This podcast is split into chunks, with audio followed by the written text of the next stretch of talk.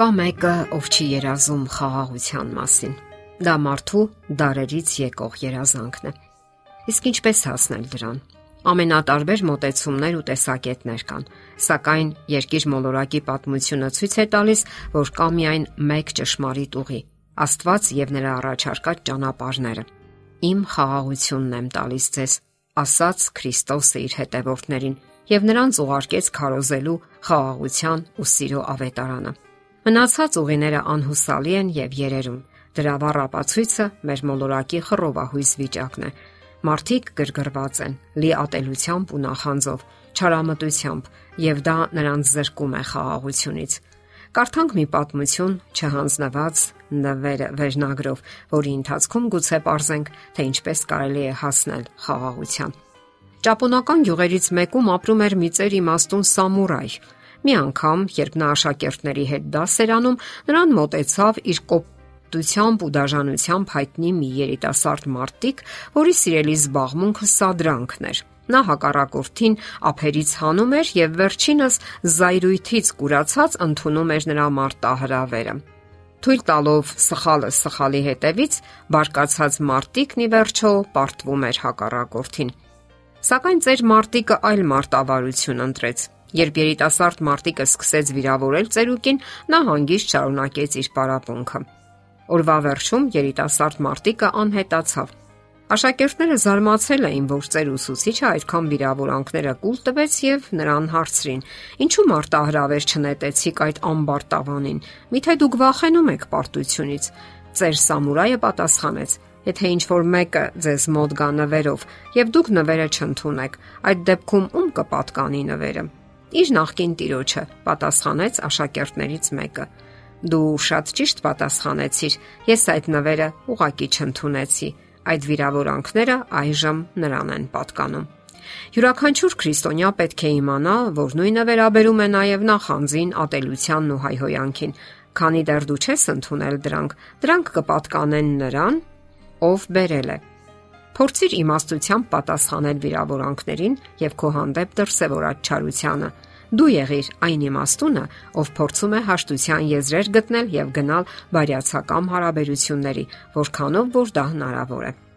Որոշ դեպքերում իհարկե անհրաժեշտ է համագործակցություն այն անznավորության հետ, ով ձեզ վիրավորել է, կամ ում դուք եք վիրավորել կարող եք համագործակցել, աղոթել միմյանց համար, կիսվել այն ամենով, ինչը անհանգստացնում է ձեզ։ Եթե վիրավորել եք, ներողություն խնդրեք։ Իսկ միգուցե նա էլ է տարապում ձեր պատճառով։ Մարդիկ հաճախ այնքան փախրուն են, այնքան զգայուն ու վիրավորվող։ Կարող եք նաև ձեզ վիրավորող անznավորությանն ասել, որ ներում եք նրան։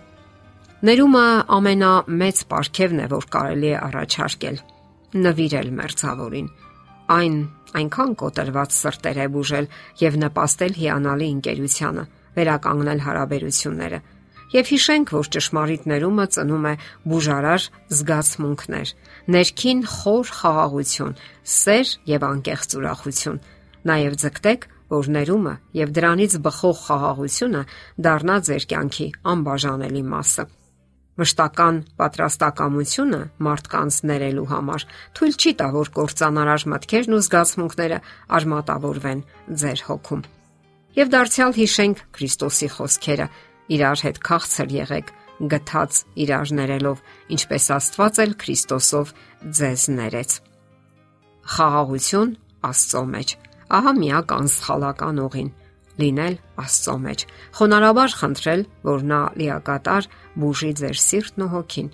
եւ միայն այս դեպքում դուք կարող եք ապրել խաղաղության մեջ չդառնալ վրեժխնդիր եւ նենք զգացմունքների ու մտքերի գերին, որոնք պարզապես բսկտում են ձեր սիրտն ու հոգին։ Աղոթեք խաղաղության համար եւ վերջում ասացեք այնպես, ինչպես Հիսուս Քրիստոսն էր ասում. թող քո կամքը լինի։ Իսկ Աստծո կամքը այն է, որ իր արարչագործության պսակը մարդը խաղաղություն ունենա եւ աղոթեք ձեր խոսքերով ազատ ու անկաշկանդ ինչպես կզրուցեք մտերիմ ընկերոջ հետ ում վստահում եք եւ ում օգնության կարիքը իսկապես ունեք եւ ով իսկապես ընդունակ է հասկանալու ձեզ Մարդիկ արարված են խաղաղ կյանք ապրելու համար, սակայն քչերն են օգտվում այդ հնարավորությունից, չեն պայքարում այն ձեռք բերելու համար։ Իսկ երբ պայքարում ենք, Երկրային կյանքը նույնպես հրաշալի եւ իմաստալից է դառնում, որովհետեւ զգում ենք Աստծո ներկայությունը արդեն մեր կյանքում։ Եվ այն ոչ միայն իմաստ է հաղորդում մեր կյանքին, այլև կյանքի հանդեպ սեր է ապարգևում։ Ուրեմն խաղաղությունը կարելի է ձևակերպել որպես խոր հոգևոր անդոր վիճակ, երջանկության, ուրախության եւ անհոգության համակցություն։ Խաղաղ ապրելու համար հարկավոր է գիտակցել նաև, որ մեր մերձավորների հետ անցկացրած յուրաքանչյուր օրը Աստծո նվերն է։ Այդ հրաշալի ապարքեվի գինը մենք հաճախ չենք գիտակցում։ Ահա թե ինչու հարկավոր է այնպիսի խաղաղությամբ ապրել յուրաքանչյուր օրը, որ մեզ հետ շփված մարդիկ ափսոսան, որ իրենց կողքին չենք։ Եվ հիշենք, որ Աստված հաճախ մեզ չի տալիս այնպիսի մարդիկ, ինչպիսին մենք ենք ցանկանում Այդ մարդիկ մեր կողքին են, որոնց կարիքը մենք ունենք։ Նրանք գուցե մեզ ցավ պատճառեն երբեմն, սիրեն, սովորեցնեն,